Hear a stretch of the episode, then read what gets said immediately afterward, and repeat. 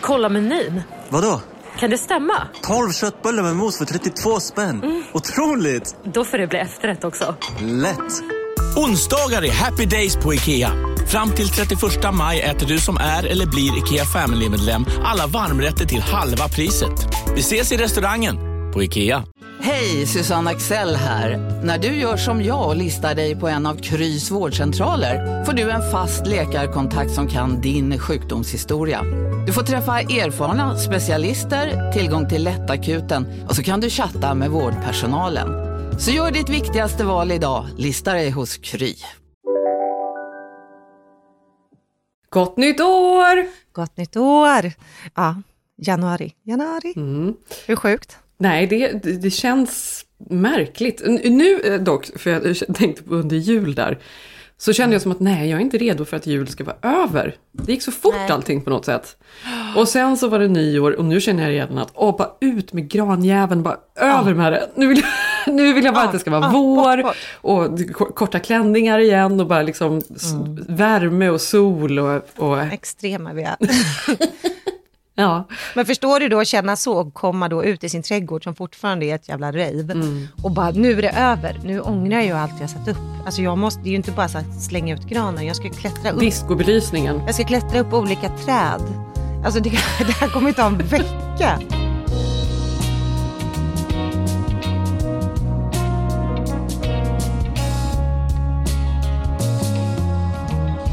Hur gick det nu då med din eh, sexiga, sexiga topp? För vi sågs ju inte på nio år, för att jag har ju min familj här kvar.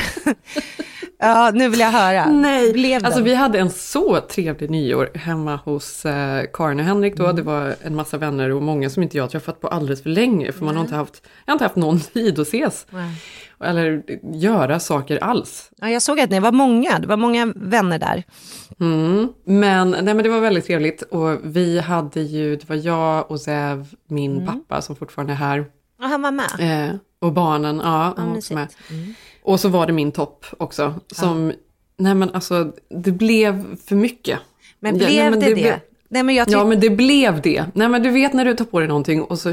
Ja men det här är ju mitt problem alltid. Ja. tycker jag. Varje gång jag försöker mig på något nytt som ska vara så här sexigt och, eller någonting, liksom, eller som att ta på sig någonting med färg som ska vara kul. Som när jag har rött. Ja. Mm. då är det det enda man tänker på sen för det känns fel. Ja, okej, okay. men det var en härlig nyårsafton i alla fall. Ni körde på. Ja, vi körde på åt god mat och drack champagne. Mm. det var skaldjur, det var mm. massa efterrätter och sötsaker. Och det var ja, men väldigt, väldigt trevligt. Gud vad mysigt. Jag hade ju också min familj här och vi hade ju väldigt, väldigt många barn. För mina syskon är ju kvar här med sina Körde barn. Körde du också en vulgär topp då? Eh, nej, jag körde inget vulgärt och jag skulle ju köra vitt och sen hittade inte jag vårt strykjärn. Och sen hade inte jag hunnit, hade jag inte min steamer funkade inte. Så det blev faktiskt svart kostym, men det blev fint. Det var bra. Jag kände ja. mig trygg. Mm. Men det blev heels faktiskt, så det var, det var lite extra. Och sen hade jag fixat, piffat mina naglar här. Så att jag kände mig ändå, jag var, jag var inte sexy, men jag var fancy för mig själv. Mm. inte superfancy, men det var härligt. Ja, men det var, vi hade gjort en nyårspatrull, det vill säga att alla barnen här då som var mellan 10 och 15 fick göra lekarna. Så de mm. hade liksom eh, gjort enorma quiz och de hade gjort eh, lekar där man sjöng och sen så stoppade musiken och så får man poäng om man då kunde fortsätta sjunga raderna i låten. Liksom. Så att det mm -hmm. var, ja, så vi hade en riktig liksom, eh, spelkväll deluxe. Ja men det var lite nyår i barnens tecken, för det var det även för oss. Vi hade ju också alla barn med oss. Så det var ju en ganska liksom, lugn tillställning, men det var liksom alla hade trevligt och mysigt. Så himla kul alltså. Och eh, jag minns ju när jag var liten, mm. att gå på fest sådär. För det här var väldigt gulligt. Ilse och Tage såg ju fram emot det här hela dagen. För vi hade någon utflykt på dagen vi gjorde. Och de bara, men kan vi inte stanna längre? Och jag bara, nej det kan vi inte göra för vi ska ju på kalas ikväll. Ja just det, vi måste ju hem och göra oss i ordning. Och att det här var liksom en ja, grej. De ville hem och så började de göra sig i ordning och Ilse prova olika kläder. Och du vet, höll på att locka håret på henne fick jag göra. Att de också börjar längta efter så här kalas, att man ska gå på fest, att det är kul. Och att det är då, som, för man minns ju när man var liten, man var på fest med en massa andra barn i olika åldrar. Ja, man, allt som hände och man sprang runt. Det var så spännande ja. och så kul. Ja, det är väldigt härligt ju. Nej, men det var det jag kände och, jag, och nu också när vi var så många, vi var ju bjudna till Karin men vi var ju för många, jag kunde inte komma med 15 personer. Nej. Eh, det hade, då hade inte ni orkat med våra lekar. Men, så det, det var lite synd att jag inte kunde fira med alla er men samtidigt kändes det jättehärligt att köra Mm. den här vägen. Men vi gjorde, min ena syster har en tradition att man ordagrant bränner upp lappar. Eh, Mm. Och man skriver någonting man önskar för 2022 eller någonting man vill lämna kvar. Man får välja. Och Mm. sen så skickade vi ut dem här i poolen. Först var vi lite rädda, för egentligen får man ju inte elda här. Nej. Men kändes det lite som, är det liksom nästan som Thailand när man eh, skickar upp de där, Ja, det här var ju en dålig version av thailändska vackra liksom rislamporna som skickas upp i, och blev vackert. Det här var ju väldigt fult, för det här var ju någon plå, plåtgrej och några fula lappar. Man liksom. Det såg inte vackert ut, men för barnen blev det ju väldigt rituellt. Alltså det var ju en Ja, ritual. kul. Ja. ja såklart. Nej, men så jag tänkte säga lite, så fick man ju då inte berätta, då var ju så att man, vilket jag tyckte var synd, men jag fick ju inte ändra reglerna. Men man fick inte berätta vad man skrev på lappen. Utan det här handlade om att gå in i sig själv och, och Kan, men, så sig nu själv. kommer du inte att berätta vad du skrev på Jo, lappen? jo, men jag, jag kan ju aldrig hålla mig, så det kommer jag. Ja. Men jag fick inte göra det för gänget. Men då tänkte jag på det, för att min lapp, eller det jag skrev, hänger väldigt mycket ihop om den filmen vi ska prata om idag. Som vi båda sett, eh, The Last Daughter. Som Maggie Gyllenhaals regidebut, som vi båda faktiskt har sett, som vi såg på nyårsdagen. Som var helt fantastisk. Miss Caruso, welcome. Tack.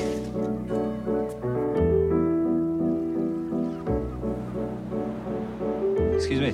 I work at the beach house. Just let me know if you need anything. Great. Vi kan återkomma till det, men jag skrev i alla fall några saker, så jag tänkte höra vad du, om du håller med mig. Jag... om, du, om du önskar dig rätt Ja. saker. Ja. Ja, men på min lapp så det handlar det mycket om att man kanske ska vara lite mer tillåtande och inte vara så rädd för misslyckas och inte känna att man måste vara exakt på ett visst sätt eh, i sitt jobb eller eh, mot sin partner eller sin mammaroll.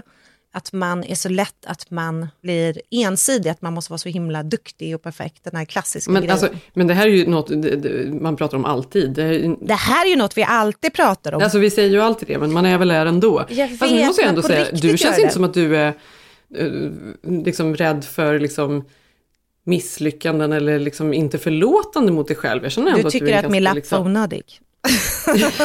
Nej men jag vet inte om jag känner att... Nej, men, du, men då Nej. kanske du känner det så ändå, fast det är inte så jag uppfattar dig Nej, utifrån. jag är inte jätterädd för det. Vilket men- jag gillar med dig. Ja, men det kanske är för att det här är liksom som du säger, jag har nog haft typ det här i nyårslöfte varje år. För att det är så himla viktigt för mig. Men man kan alltid bli ännu bättre på att vara snäll mot sig själv. Jag är nog ganska tillåtande och ganska öppen mot mig själv. Jag är nog inte jätterädd för att kanske misslyckas. Då skulle jag nog inte flytta till ett annat land med tre barn. För det är... Eller starta det är- företag eller, starta liksom våga företag. göra någonting. Verkligen. Allting är ju... Mm. Men är det inte samtidigt också, alla, det är väl bra att man har samvete och någonstans, man, det, det är ju en balans, man ska ju också vara lite kritisk mot sig själv ibland. Men man ska eller? det, men du vet den här inre rösten som jag jobbat jättemycket med, som jag tycker är ganska Mm. snäll, den är ändå orimligt hög. Vi skojade om det i förra Mm. podden, om de som lyssnade förra veckan. Jag berättade om allt man har gjort inför julen. Och sen ly- misslyckades jag då ändå med de här julstrumporna. Alltså det är ingen Ja. stor grej, men att man Nej, man pressar man, sig själv man pressar ju sig själv och istället för att tänka shit nu har jag bjudit hem de här, det har varit helt fantastiskt, gud vad jag var duktig på det. Så är man så här, Mm. fan jag glömde efterrätten. Eller du vet, det är ju så himla lätt Mm. att fokusera. Och det här är ju, alltså, det här är ju eh, krimskram, så här känner ju alla. Det är ju så här Formula 1 i självhjälpsböcker. Men det är ju det enda som är viktigt. Jag tycker Mm. Ja, det. det är väl därför det är just liksom, det, det första man ska lära sig i en självhjälpsbok på något sätt. Det är väl det de riktar sig mot. Mm. Men är Gud, du jag är så trött snäll? idag så jag är helt snurrig i huvudet, jag vet inte ens vad jag säger. Nej. Men, men är du snäll mot dig själv? Alltså generellt. Nu hatar vi ju det uttrycket snäll mot sig själv. Men Nej. är din röst idag, första dagen på året, första jobbdagen, är den snäll? Hur går din inre dialog? Eller din inre monolog? Alltså jag tror att jag har haft väldigt, alltså varit väldigt hård mot mig själv. Alltså tidigare i livet tror jag att jag har varit otroligt så kritisk. När jag ser tillbaka på när man var yngre och tonåren och alltså även senare, hela vägen liksom fram till för några år sedan, så tror jag att jag alltid var väldigt hård och kritisk mot mig själv. Alltså min inre röst var alltid kritisk. Kritisk för, till liksom mina prestationer och vem jag var. Och hur, alltså allt, allting var väldigt kritiskt, vilket jag tycker är så jävla sorgligt nu när man har blivit äldre. När man inser att man faktiskt Så många saker, så mycket så oro och energi man kunde sparat och liksom lagt på någonting annat. Alltså mycket som man hade kunnat vara, alltså man skulle varit Verkligen. snällare mot sig själv. Nu idag så tycker jag faktiskt att jag är ganska snäll mot mig själv. Inte alltid, men jag är mycket, mycket snällare mot mig själv. Jag tycker faktiskt att jag är väldigt så här, tacksam för liksom, livet jag har och där jag är och jag känner att man är frisk och man är lycklig och man har barn och man har liksom man. Alltså jag känner ändå så att jag är på ett, en bra plats i livet. Men det har inte alltid varit så. Nej.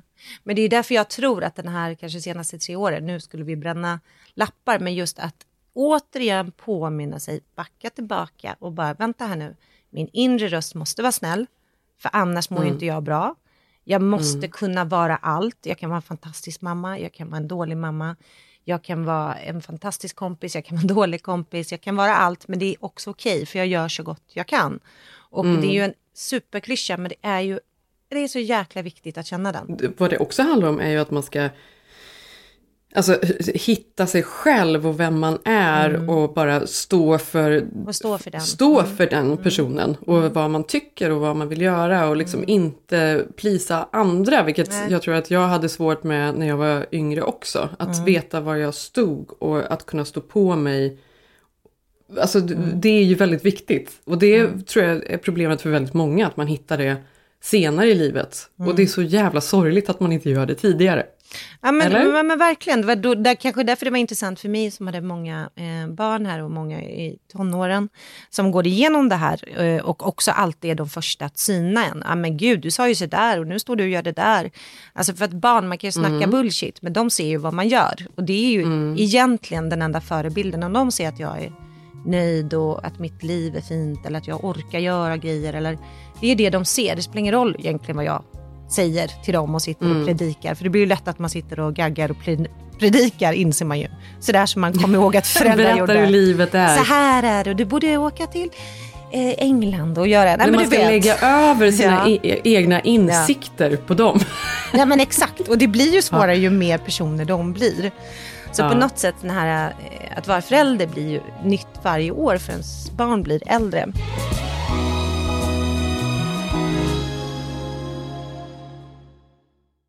Men det här tänker jag på med min... Dåliga vibrationer är att skära av sig tummen i köket. Ja! Bra vibrationer är att du har en tumme till och kan scrolla vidare. Alla abonnemang för 20 kronor i månaden i fyra månader. Vimla! Mobiloperatören med bra vibrationer. Ni har väl inte missat att alla takeaway förpackningar ni slänger på rätt ställe ger fina deals i McDonalds app. Även om skräpet kommer från andra snabbmatsrestauranger. Exempelvis... Åh, sorry. Kom, kom åt något här. Exempelvis... Förlåt, det är något skit här. Andra snabbmatsrestauranger som... Vi, vi provar en talning till. La, la, la, la, la. La, la, la, la. Om en så vidde på väg till dig för att du råkar ljuga från kollega om att du också hade en och innan du visste ordet av du hem kollegan på middag och... Då finns det flera smarta sätt att beställa hem din sous på. Som till våra paketboxar till exempel. Hälsningar Postnord. min pappa som nu är här och hälsar på, morfar. Att det är så fint att se honom nu som morfar här. Ja, Alltså han har kommit någonstans i livet som är... För det första så kom han hit och hade tagit med sig en massa gamla bilder. Det här tycker jag är, det här är en Ja. ny grej med min pappa. Gamla bilder från när han var liten. gud vad är en intressant. bebisbild på honom när han är typ som Maj. Också lustigt att de är väldigt lika varandra på den här bilden. Han hade tagit med sig bilder på sin mamma när hon var ung. Han hade tagit med sig bilder på sin mormor som ju dog i eh, spanska sjukan när, hon, när min farmor var fem år gammal. Och hon hit, hamnade liksom i någon fosterhem eller något fattighus typ. För båda föräldrarna dog i spanska... Innan massvaccinationen fanns. Ja, exakt, I precis. parkeringshusen. Ja. Och, nej, men han har tagit med sig bilder på dem och sen har han tagit med sig bilder på när han var liten och de firar jul, familjen. Och det var så roligt Mm. Var att se. fint. Och han, Mm. Ja, men så fint för han har blivit, det här är någon ny grej med min pappa, att han har blivit väldigt nostalgisk och han pratar om minnen och om Mm. familj och det här har blivit liksom så Mm. otroligt starkt hos honom förstår jag. Och nu har han haft världens mysigaste tid med barnen och han sitter här och pratar med dem och berättar historier och jag vet inte, Mm. på tal om då, jag, jag, han sitter väl inte och berättar livshistorier för dem. Sen ska de du göra också- Ilse. Ja. Nej, det gör han inte. Men vad som ändå blir på något sätt när han sitter och berättar om hur det var förr i tiden, Mm. det blir ju ändå liksom en, ja, men en, en, en viktig, tror jag, liksom perspektiv på tillvaron. Ja, men ändå. verkligen, och det är ju det man känner nu i, när man får besök och man har i sin släkt, du och din pappa och jag mina systrar här, hur många runt barnen, vuxna människor runt omkring dem som är också deras släkt, hur viktigt det är för Mm. deras sammanhang. Och det var det ju Mm. när man var liten också, även de här som satt och gaggade om vad man skulle göra i sitt liv. Men det är ju så Mm. viktigt att få ett perspektiv, kanske få se en barnbild från din pappa. Alltså sånt tyckte Mm. man ju själv var intressant. Jaha. Ja men du vet ju hur Ja. intressant man tyckte det var. Jätte. Häromdagen frågade ju Tage mig om det fanns bilar när jag var liten och jag bara, alltså nu, det var, Fanns det så det var ju intressant för honom. Det fanns inte Tesla svarade du då. Ja, De bara, nej, va? precis. Fanns det inte? Inga Teslor. Det var Ja. före. Ja, men och sen så blev det då nyårsdagen och vi var lite sega. Vi skulle äta middag men du blev sjuk. Mm. eh, återkommit från det. Men eh, och så såg jag då The Lost Daughter som är då baserad på den här fantastiska boken. Elena Ferrantes Ja, bok. precis.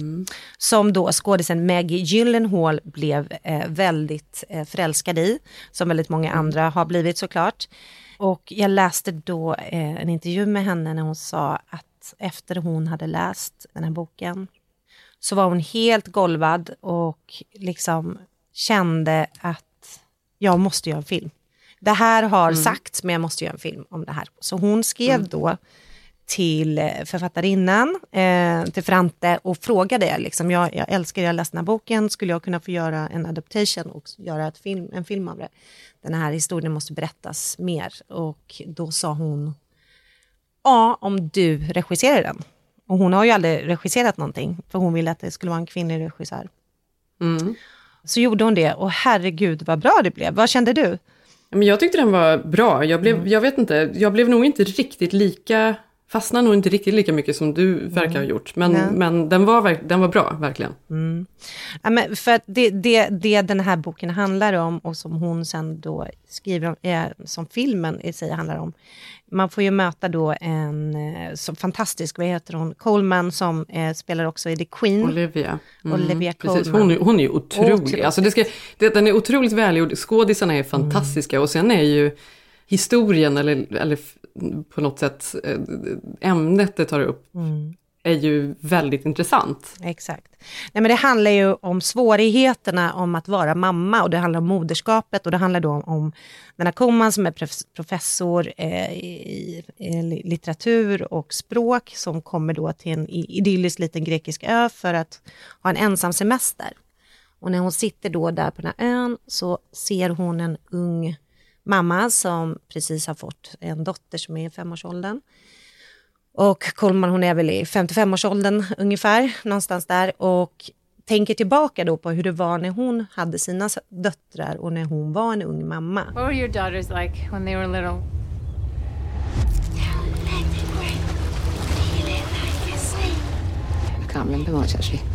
Hon blir lite besatt av den här familjen då som delar strand med henne. Och den här unga mamman spelas ju av Dakota Johnson, som jag också tycker är väldigt fantastisk. Och den här äh, äldre kvinnan då, eh, som spelas av Coleman, hon kan inte hålla ögonen borta och sitter och stirrar på den här unga mamman som försöker eh, ja, bada. Alla som har haft barn och varit på en strand känner ju så mycket igen sig där. Hur mäckigt Ja, det också kan vara den här vackra stranddagen när man har åkt det här idylliska paradisön eller vad det nu är. Hur Mm. jobbig den kan vara. Mm. Och jag tror att vi som satt och kollade, jag och mina två systrar som har döttrar eller barn generellt, alltså att man slungades tillbaka till när de var Mm. mycket mindre, hur jäkla tufft, tuffa de där småbarnsåren är.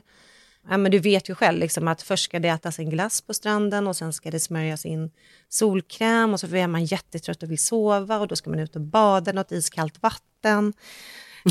Ja. och sen har man en Ja. fantastisk stund som man bara äl- alltså man älskar att vara mamma och sen nästa sekund så ligger man och drömmer om att man skulle ligga på den där stranden själv. Eller, jag tänker också på, det är någon scen när de är inne i någon leksaksbutik och hon håller sin dotter som, jag vet inte, hon ska hålla för munnen hela tiden när hon håller henne. Just Så det. håller hon sin mamma för Ja. munnen och hon, hon blir liksom irriterad, hon bara sluta. Och så skäller hon till, liksom, sluta nu! För hon blir ju så frustrerad. Och då vill hon sätta ner henne på golvet och hon vägrar så då håller hon fast henne, eh, sin mamma liksom runt halsen så hårt så hon liksom får inte av henne. Man vet liksom Ja, den här känslan, man, att man har varit där, man bara, ah, alltså det är man ju med om precis hela tiden. Men, men Man är det med om det liksom- hela tiden men att det fångades så. Jag tror nästan det kräver en kvinnlig regissör. Alltså, vi, alltså att få se moderskapet skildras på det sättet i alla sina känslor. För det är klart att vi har så här mammakrönikor, det finns massa fantastiska böcker om att vara förälder. Men för Mm. mig greps det tag i att, att, och lite som Gyllenhaal då skriver, att när hon läste den här boken, att, att känna att det var någon som delade sina erfarenheter att vara kvinna, att vara mamma, att vara tänkare, att vara älskare, för hon har ju en affär där. Att Ja, vilket jag tycker är så också. roligt för hon slänger in sin egen man Ja, i den som rollen. är den, så här- som eh, hennes älskare i filmen. Intellektuell professor som den här då unga mamman när hon var ung var otrogen med. Ja. Men, Mm. men allt görs ju väldigt bra för de pendlar ju mellan eh, en nutid, där den här scenen på stranden och det som händer i den här äldre kvinnan. Men också hennes tillbakablick när hon då var i den åldern och hur jobbigt det var.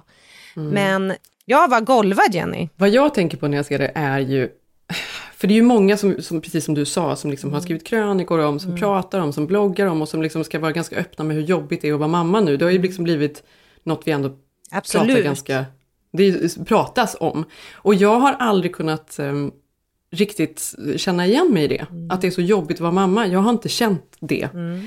Men däremot när jag ser den här filmen så ser jag tillbaka på något annat som egentligen är att det var eh, jobbigt att vara mamma, men på ett annat sätt. Jag, jag, jag minns när jag hade Ilse och Tage när de var väldigt små. Mm. Då gick jag igenom skilsmässa och, och det var fruktansvärt jobbigt. Men även innan dess, innan skilsmässan till och med, så var jag ensam extremt mycket. För Ja. eh, deras pappa var borta och jobbade och sådär.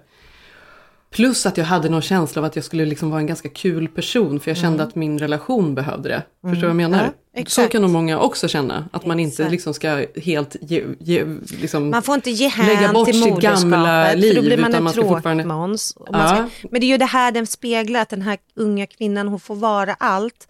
Och först så blir man ju liksom nästan, gud vad dålig mamma hon är, vad håller hon på med? Sen känner, det var ju det här jag tror kröp på en, så bara, nej, men så är det ju. Det Mm. kryper ju på men att man hör alla de där känslorna som du säger nu. Men, men just liksom vad ut, hur det tog sig uttryck var ju att man kände den här frustrationen som hon kände inne i leksaksbutiken. Mm. Det kunde man känna när man skulle natta barnen och det tog en Exakt. timme. Och man kände inte att man hade en timme, man kände liksom nästan en fysisk liksom, Mm. eh, stress i kroppen. När man låg där inne och försökte och Mm. försökte och sådär. Och så kunde man ändå inte, för, för då var alla så här, men gör den där femminutersmetoden. Men Och gör det vill man den, inte, eller har du ja, men testat det ville man inte göra heller, för det klarar man inte av. Så man låg där och ville vara världens bästa mamma, för man hade ont i magen och göra något annat.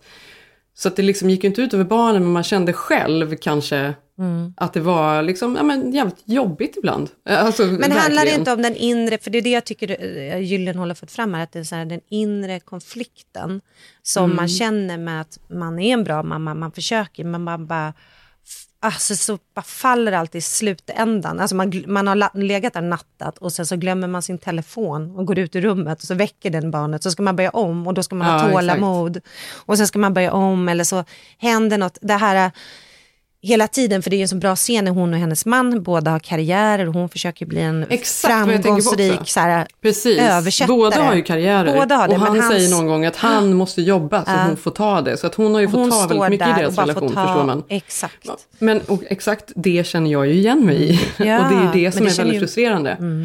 Och det tänker jag på även i, för det här har ju ändå kommit mm, till ytan ganska mycket nu, speciellt under pandemin och i Mm. USA. För vem blev det som stannade hemma med barnen Ja. när skolor stängde ner och det var, blev hemskola och så vidare. Ja. Vem tog allt ansvar? Det var ju kvinnorna som gjorde Ja. och nu är de än en gång då utsatta i en större utsträckning, Mm. alltså utan jobb och utan karriär och har gett upp saker. De har kommit Ja. efter med allting och kanske kommer inte komma tillbaka på väldigt länge.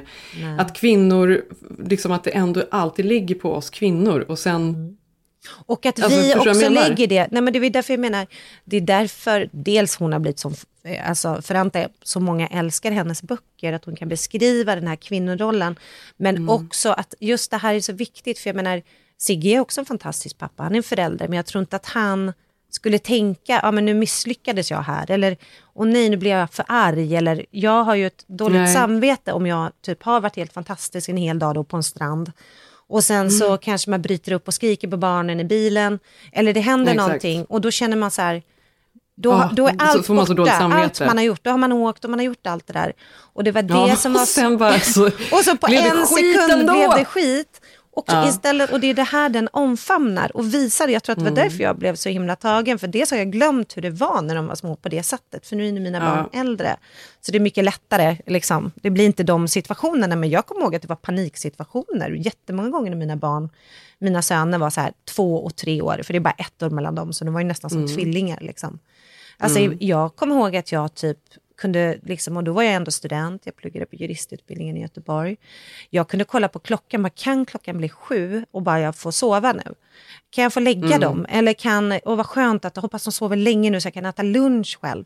Och då Mm. hade jag jättemycket, vi delade upp barnen jättemycket, jag och Sigge hade jättemycket backup och jag var ung och allting liksom.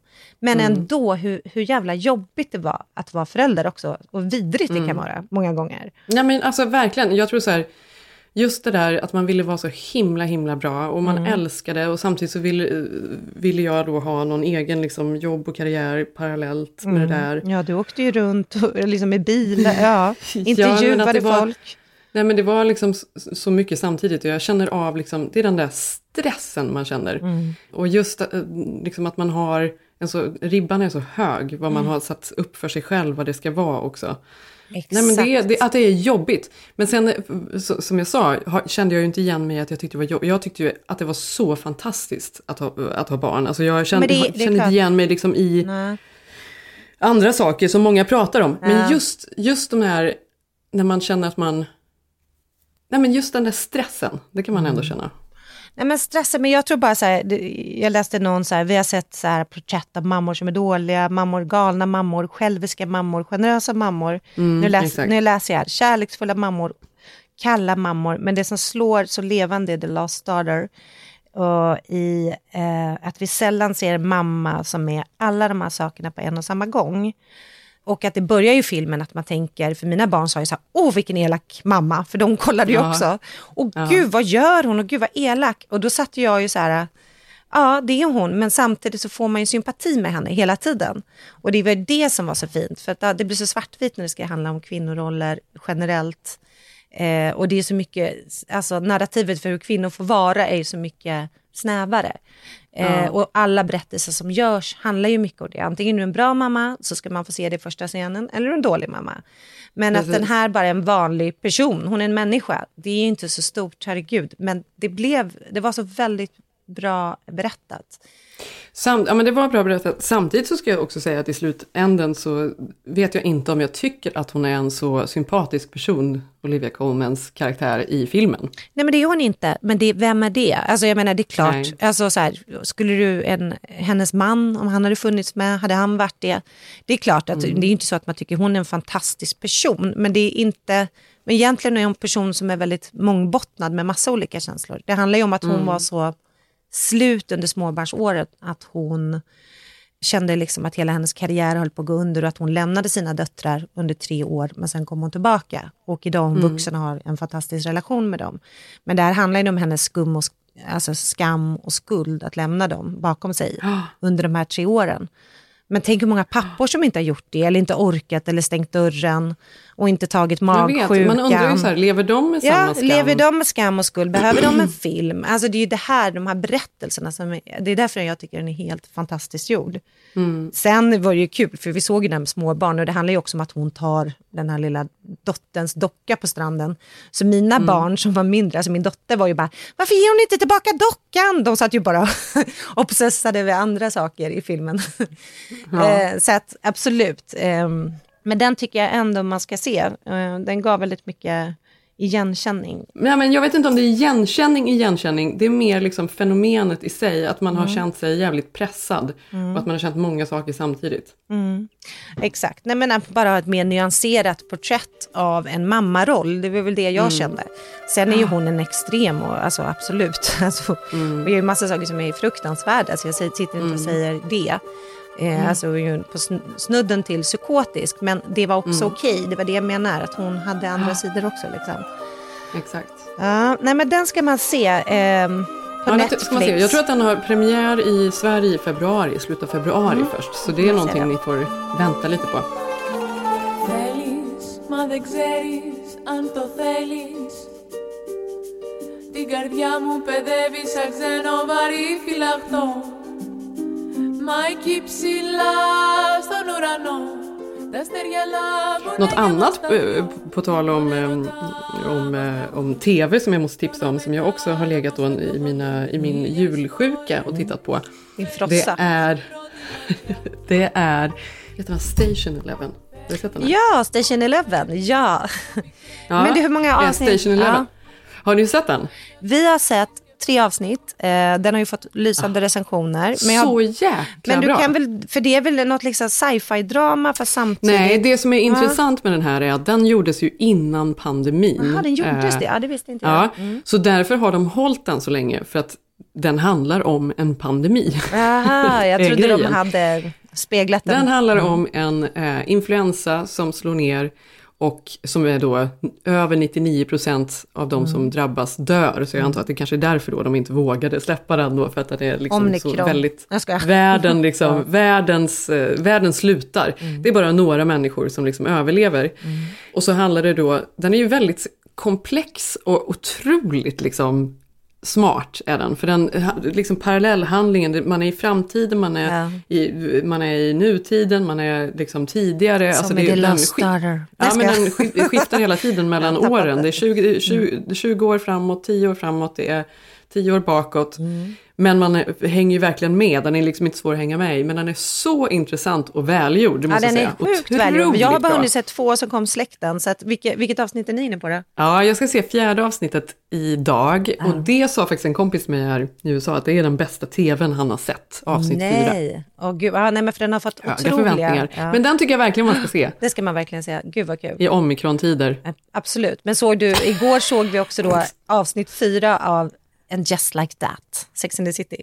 Ja, det, den behöver man inte se. Nej, det behöver man inte säga. Men såg du det avsnittet? Ja, det enda jag tänker på när jag tittar på den här, för att den är verkligen inte Nej, bra längre alls. Nej. Men det enda som jag är fascinerad av, för man, liksom, det mesta liksom rinner av en av handlingen på något sätt. Men det är att jag nu tänker fortfarande när jag ser det att jag också vill ta på mig så färgstarka, helt enorma kjolar. Ja, och den här nya karaktären gå, man har- Trippa runt på gatorna. Ja, Alltså, de har ju tagit man- in den här nya karaktären som en black american kvinna, som då, för att de inte ska vara så vita. Ja, Hennes mm. kläder är ju liksom, de har ju verkligen kört på, de har jobbat. Ja men de har kört på så mycket och du Mm. vet Carrie går runt i liksom tyllkjolar och som vanligt då. Men att jag, jag minns att man ville ju ha på sig, jag kommer ihåg när man åkte till New York på semester. Så här på en weekend, Gud, ja. när, under tiden man kollade på Sex and the City. Du vet man köpte så sjukt konstiga kläder som man aldrig skulle, Som man aldrig, skulle kö- när köpa. man fick till någon Alltså, kombo som man bara, vad är det här? Ja, men man tyckte ju Ja. att det var helt rimligt att ha på sig så här helt, Helt. sjuka liksom, kreationer och sådär. Fast är inte det bästa med att vara Jag på köpte så mycket semester? stilettklackar nu och det är ju, och så har jag tänkt i efterhand att det är så himla fult. Men samtidigt så tänker jag ju, nu när jag kanske tittar, tillbaka, nej, Jenny. kanske vill. Jag kanske Ja. tar på mig liksom bara neon och liksom klackar och tyll och det är bara liksom hattar och grejer. Nej, men vi pratade ju om det, om att eh, det är inne med långa, långa, långa naglar igen. Att Ja. det kanske är så här, vi har kört så här skorna, allting och du och jag har ju gått Mm. igenom att vi tycker det är så jävla fult, våra heels som vi höll på med här Mm. för tio år sedan i LA. Mm. Men ja, det är lite, lite börjar jag känna. Ja. Nu när Mm. Carrie hade någon skada där och fick på sig några jävla heels, eh, Valentino, fick jag lite pirr ändå. Ja, Nej, men eller hur? Ja. Ja. Lite, lite, Men- lite kul. Men du har ju lite en eh, beauty-spaning också.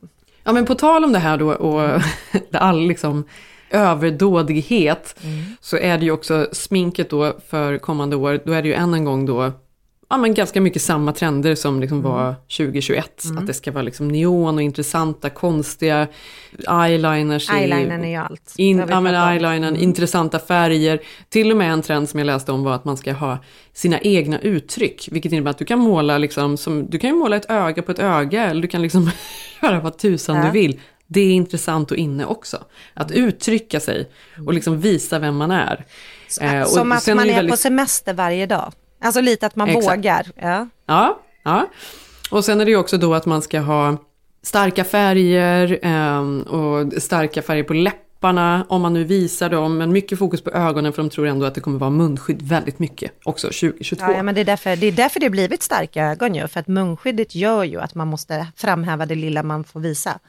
Exakt. Ja men då tycker jag du ska måla liksom kors och tvärs och alla möjliga och den här vita mascaran och ja men gå loss Malin. Visa vem du är. Det var Ja. faktiskt gulligt här, jag bara parentes, mina systerdöttrar, de har väldigt olika stil. Den ena är lite bohemisk och liksom gillar Mm. gå i svart och päls och uggs och sånt. Och den andra är Mm. väldigt så här hope och herrkläder och alltså vackra material och du vet strikt. Och sen hade de en dag här när de skulle gå ut så de fick göra ordning varandra och så skulle de byta stil. Kommer du ihåg när man Mhm. höll på med sånt? Så att Ja. de fick sminka varandra och göra.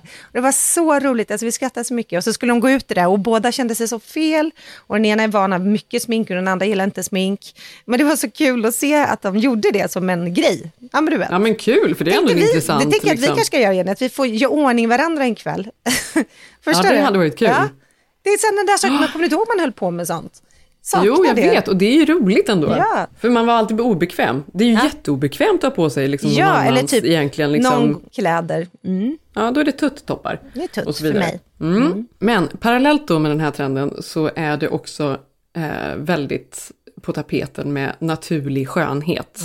Mm, och det här går väl liksom hand i hand då med miljön, alltså allt, hela liksom vad som händer med världen och så vidare. Att man börjar gå tillbaka till och tänka på liksom allt från vad man stoppar i sig och äter och hur det odlas, men också då vad det är för ingredienser i alla krämer vi använder och att man nu vill ha mer naturliga saker.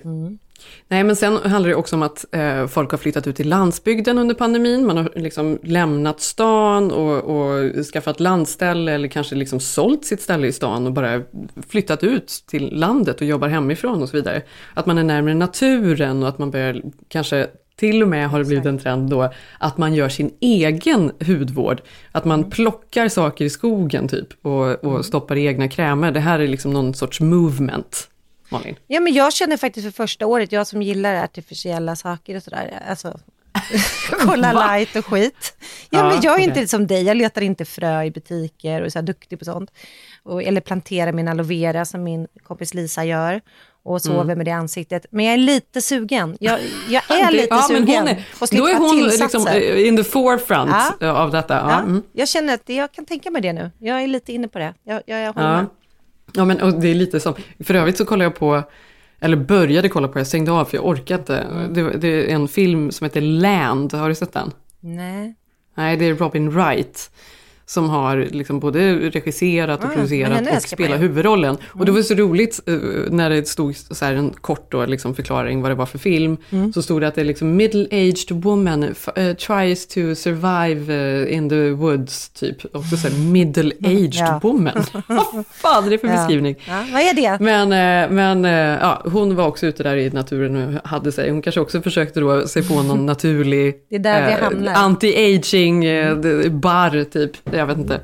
Hur som helst. Man börjar också ifrågasätta märken som funnits länge på marknaden som hävdar att de är clean, för det har ju varit länge Ja. liksom clean beauty, clean beauty, men det har inte liksom funnits några riktiga regler eller krav för vad som räknas vad som clean och vad, Nej, vad får man att kalla då, sig? Mm. Nej, exakt. Och detta håller de då på och ska lagföra och liksom ha, sätta regler för.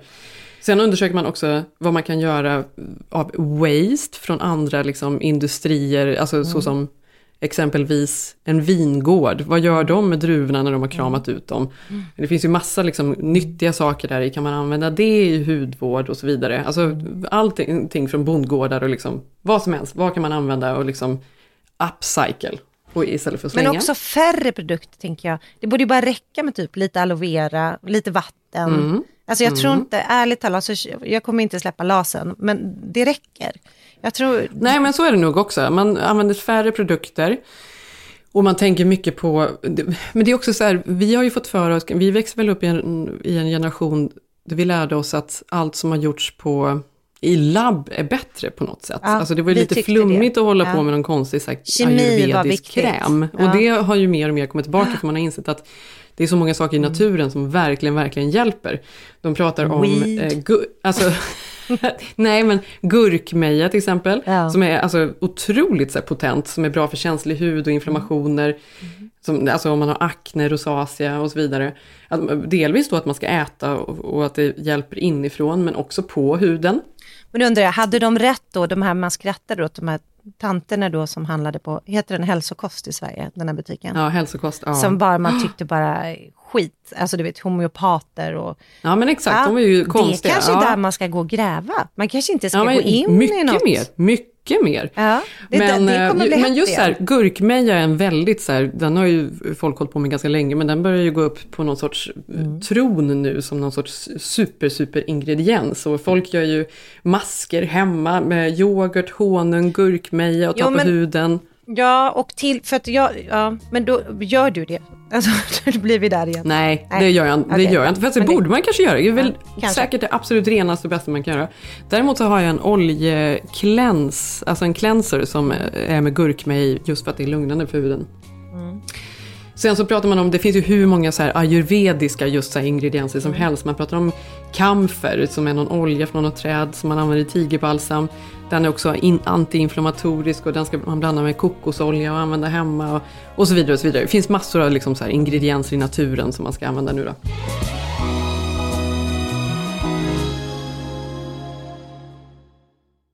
Sen så pratar man om Bara på Storytel. En natt i maj 1973 blir en kvinna brutalt mördad på en mörk gångväg. Lyssna på första delen i min nya ljudserie. Hennes sista steg av mig, Denise Rubberg. Inspirerad av verkliga händelser. Bara på Storytel. Demideck presenterar Fasadcharader. Dörrklockan. Du ska gå in där. Polis? Effektar? Nej, tennis tror jag. Pingvin. Alltså jag fattar inte att ni inte ser. Va? Nymålat! Men det var många år sedan vi målade. Demideckare målar gärna, men inte så ofta. En nyhet. Nu kan du teckna livförsäkring hos Trygg-Hansa. Den ger dina nära ersättning som kan användas på det sätt som hjälper bäst. En försäkring för dig och till de som älskar dig. Läs mer och teckna på trygghansa.se. Trygg Hansa. Trygghet för livet. hårvårdsmarknaden som jobbar på alltså, nya lösningar för att optimera sina produkter. Jag läste att L'Oreal jobbar med att liksom, minska vatten, alltså hur mycket vatten man behöver använda när man tvättar håret. Och också minska användandet av plastförpackningar. De har, har någon lösning som man gör på salong tydligen, där man liksom på något sätt sätter schampot i duschmunstycket. Så att när man tvättar håret så går det liksom ut i vattnet och det här då på något sätt ska spara. Jag vet inte exakt hur det här funkar. Sen hem, har de en hemmaprodukt som de kallar för Smart Pod, där en 200 ml schampoflaska kommer i en 5 ml koncentrerad podd då. Mhm. Som då, som man sprutar ut också på något sätt i blött hår, pytte, pytte, pytte, pytte lite i taget då. Fast det kan jag gilla, det för alltid när det kommer till schampo, alltså folk tar ju för mycket. Alltså de gör Ja men så, precis. Men, jag tycker folk ja, gör som fem, barn. Fem milliliter, alltså, de bara drar alltså, på. 200 milliliter, alltså en vanlig schampoflaska i 5 milliliter. Förstår du hur liten den här podden är? Så utöver då att den sparar, den ska också vara då optimerad, den ska Smart. verkligen gå in i, i håret mycket snabbare och Mm. löddra på ett annat sätt så det ska gå fortare att tvätta håret. Men framförallt plastförpackningen som sparas då på att ha en så extremt Exakt. liten liksom, schampoflaska. Det är ju fantastiskt. Och det är någonting de jobbar på. Bra. En annan då stor trend då som har pratats om också i massa år, som vi pratar ganska mycket om Malin, som vi håller på att kämpa med alltid och många och framförallt då mamma, mammor, föräldrar som vi äh, pratade om tidigare. Det är ju stress. Och detta förutspår man kommer bli en av de största beauty och wellness-trenderna som kommer 2022 men också kommande år. Man tror att det är en marknad som kommer explodera och bli fem gånger så stor som den är nu. Eftersom också då liksom 17-åringar pratar om det här. Alltså det finns ju en mindful Ja. redan där. Det tillhörde ju bara de här hälsokostkvinnorna förut. Men nu, Ja men exakt. Ja men nu så kommer man säkert in i det mycket tidigare sen wellness. Jag tänker på Mm. Ja. barnen som börjar dagarna i skolan här med att göra yoga och sådär. exakt, tända ett ljus. Ja. Ja men att man alltså börjar med alltså meditativt, att det liksom finns någonting som kommer redan från början och är en naturlig del av vardagen. Det är ju fantastiskt, för för oss är det mycket svårare att liksom fasa in och lära oss nu. Det är inte ja, det är naturligt för oss. jättesvårt. Men jag, jag Ja. tänkte på det för att de säger ju att man ska da, börja dagen eh, med, med sitt inre och inte sitt yttre. Att Mm. man ska börja med att samla sig själv på morgonen fem minuter innan du öppnar allting, innan du sätter igång. Eh, och det är Mm. Lycka så till man ska när du börja bebis. Jag dagen. kan säga att Maj eh, skulle inte tycka att det var okej om- om jag bara, du får vänta. Jag börjar, mamma börjar med sitt inre innan du får mat, yttre. Mm. Men Mm. det, jag är redo för en retreat i år har jag känt. Jag har aldrig varit på någon. Mm. Det skulle jag Mm. kunna tänka mig göra. Mm. Vi, vi kör upp dig till Big Sur, till det här, vad heter det där stället? Det, det här stället som Mad Men av, avslutade Ah, i. ja, in, Ja. Nej, dit vill jag. Ja men de är, där går det bra nu, för att det här är ju då, alltså när man pratar då om hur det kommer växa så är det ju inte bara, det är ju liksom wellness retreat såklart, Mm. det är ju meditationsappar, det är träningsappar och träning och Men det handlar väl om ett holistiskt tänk mer än att Ja det är exakt, och, för, exakt, och det gäller ju då även, går ju över i kost och antiinflammatoriska, käka liksom gurkmeja och, och CBD och andra kosttillskott då. Eh, men för man ser då hur stress påverkar inte bara vårt yttre, för det gör det, man åldras på ett helt annat sätt och så vidare. Men också vårt inre och hur vi mår och vad man får för sjukdomar, vad som kommer av det. Det här är vad man pratar om för 2022 och kommande år. Mm. Men borde, pratar man inte också väldigt mycket om motsatsen, eh, hair transplants? Nej, jag ska. Nej, men det har ju kommit otroliga produkter som är så här, för jag, jag känner, jag, jag läste en artikel här att det, att det har min, för, för de senaste åren har det ju ökat med alla de här fillers, botox och allting. Men att nu Mm. kommer också mottrenden, det hänger väl ihop med det här då, kanske den här naturliga skönheten. Att Mm. det börjar, för det har man ju förstått, att alla ser likadana ut, att det börjar försvinna. Alltså att det börjar Mm. gå ut nu också. Det, börjar- det är, folk tar ut sina botox, folk slutar med fillers. Sen kan ju inte folk som hållit på med det allt för mycket göra det. Men det verkar som det kommer en motrörelse mot det nu. Det, alltså, Det tror jag säkert. Samtidigt så, så måste jag säga att jag tycker det verkar, eh, för även på de här listorna så, så står det ju om nya liksom, typer av lasrar. Det är ju någon ny eh, maskin som istället för laser Mm. tar in små, små mikroskopiska liksom, som nålar i huden som tar bort lite liksom, av huden. Mhm. Eh, vilket gör att den måste börja växa och dra ihop sig då, att man liksom faktiskt fysiskt tar bort lite som gör att den, den hela tiden då läker, drar ihop sig, lyfter och så vidare och så vidare, föryngrar, tar bort små rynkor. Att det är någonting folk gör då parallellt med att så här, hålla på med naturen och gå runt liksom som mullar i skogen. Liksom. De Så så det, det är liksom extrem- i båda världar. Exakt, det är verkligen det man känner här. De sitter där med sin- historien. Ja. Ja. Ja, men motsägelsefullt med andra ord 2022. Ja. Det är det Men, vi lär men oss. jag tycker så här, jag tycker det är så intressant med liksom alla möjliga grejer att testa och sådär, men, men jag vet inte om jag känner att jag måste ta bort alla Jag har ju mina favoritprodukter som är helt fantastiska. De är ju liksom inte någon... Nej, inte, men du får ha kvar din mask. Den tar vi med oss. Alltså du får ha kvar, du får ha kvar allt det där. ja. Men vi får vara Ja, lite men, ändå så här, men det känns väl också rimligt nu att man börjar det nya året med just lite sådana här saker. För man känner ju ändå per automatik efter att man har haft jul och nyår och man har ätit och ätit och druckit och druckit, varit sjuk dessutom, Ja. att man på något sätt, nu vill man ju vara fräsch. Och det handlar ju inte kanske om att det är ett nytt år, utan det handlar bara om att det har varit en så otroligt intensiv tid. Nej men precis, nu känner man att det är det man gillar. Men man får inte glömma Mm. inre också. Inte bara det yttre, för det är så lätt nu att gymmet, Mm. kroppen, huden. Nu får vi inte glömma, jag känner att in, det inre, vi måste bli smartare, bättre. Mm. Mer uppstrukturerade på ett bra sätt. Det blir 2022. Exakt.